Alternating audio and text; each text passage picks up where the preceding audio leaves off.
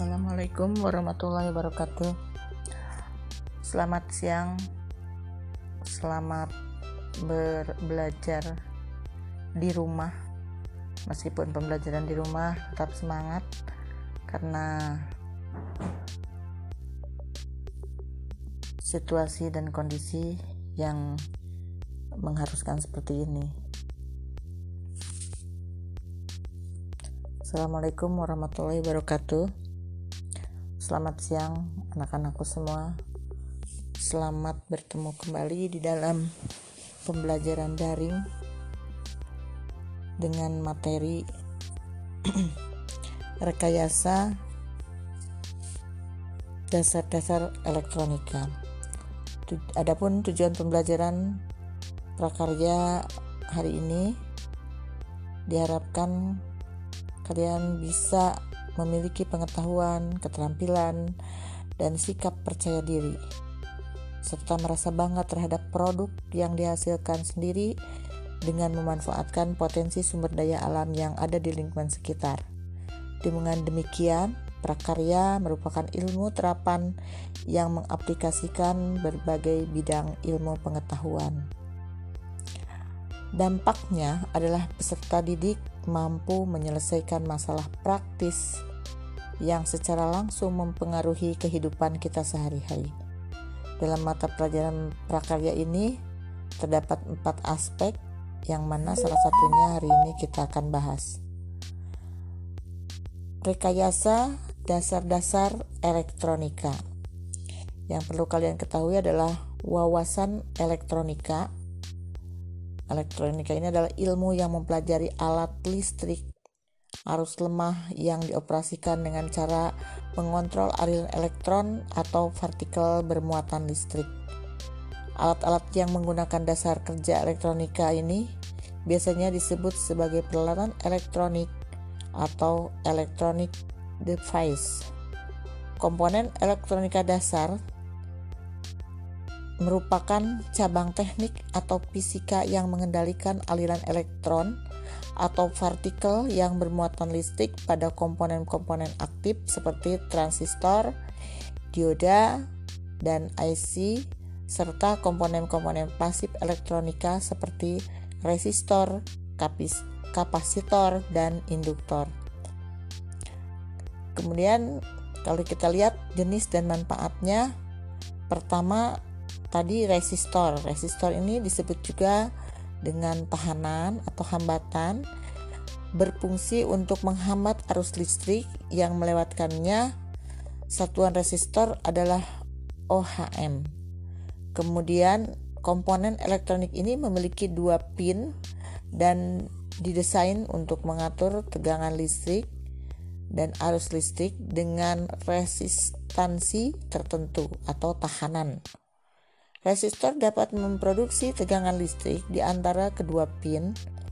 Nilai tegangan terhadap resistansi ini berbanding lurus dengan arus yang mengalir. Sedangkan resistor terbagi dua yaitu resistor tetap dan resistor variabel. Kode warna pada resistor menyatakan harga resistansi dan toleransinya Terdapat empat gelang warna dan lima gelang warna. Semakin kecil harga toleransi suatu resistor adalah semakin baik. Yang keduanya adalah kondensator dan kapasitor. Kondensator adalah suatu alat yang dapat menyimpan energi di dalam medan listrik dengan cara mengumpulkan ketidakseimbangan internal dan muatan listrik. Satuan kondensator disebut dengan farads di, di, disimbolkan dari nama Mikhail Faraday. Rekayasa dasar elektronika di sini juga membahas tentang beberapa fungsi utama kapasitor. Sebagai penyaring atau filter pada rangkaian regulator DC, DC atau power supply untuk meminimalisir tegangan rifle AC yang masih tersisa. Itu fungsi utama kapasitor. Yang keduanya sebagai pembangkit pulsa atau frekuensi dalam rangkaian uh, osilator. Yang ketiganya sebagai penggeser paksa. Dan yang keempat sebagai coupling yakni penghubung antara dua buah rangkaian elektronika, misalnya rangkaian penguat ya atau amplifier yang menghubungkan rangkaian preampli dan amplifier.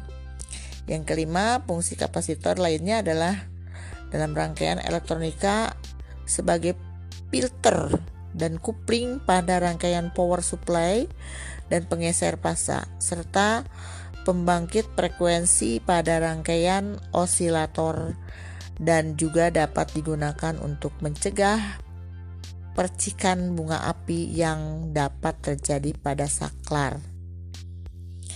Nah, sifat dasar kapasitor adalah kap, kapasitor adalah kemampuan yang dapat menyimpan muatan listrik tidak dapat dilalui arus DC atau direct current namun dapat dilalui arus AC atau alternating current dan juga dapat sebagai uh, impedansi. Nah, untuk lebih lanjutnya silahkan kalian nanti cari kemudian gambarkan simbol-simbol kapasitor. Selain uh, tulis kembali apa yang sudah ibu jelaskan ya. Pertama cari simbol-simbol kapasitor kemudian simbol bipolar. Kemudian simbol variabel kondensator. Dan gambarkan induktor atau reaktornya.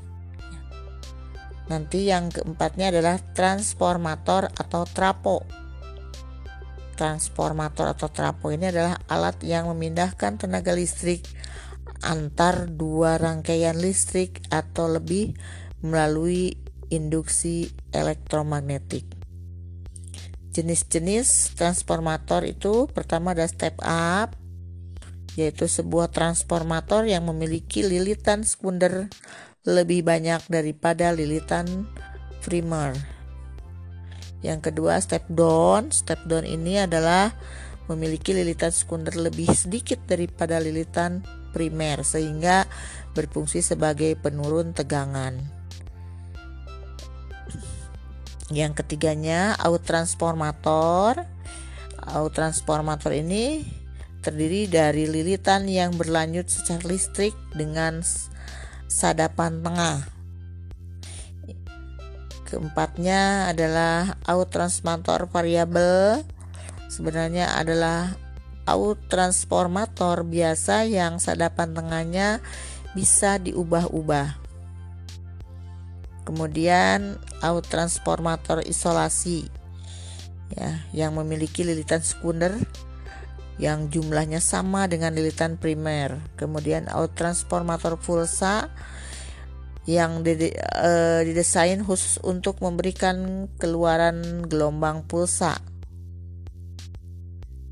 Yang terakhir adalah out transformator trifase ya atau tiga fase sebenarnya adalah uh, transformator yang dihubungkan secara khusus satu sama lain. Nah, eh, sampai di sini dulu untuk materi pertemuan hari ini. Sekali lagi tugasnya pertama kalian tulis kembali apa yang sudah Ibu jelaskan di sini. Yang kedua, silahkan gambar simbol-simbol simbol-simbol kapasitor ya bipolar dan kondensator serta induksi atau reaktor supaya kalian bisa lebih memahaminya kembali. Sekian, terima kasih. Wassalamualaikum warahmatullahi wabarakatuh. Tugas dikumpulkan minggu depan. Dikumpulkan oleh masing-masing ketua kelasnya. Boleh di eh, kertas HPS untuk lebih ininya lagi di kertas HPS jangan di buku tulis. Untuk di portofolio kan. Semangat semangat belajarnya. Sekali lagi wassalamualaikum warahmatullahi wabarakatuh.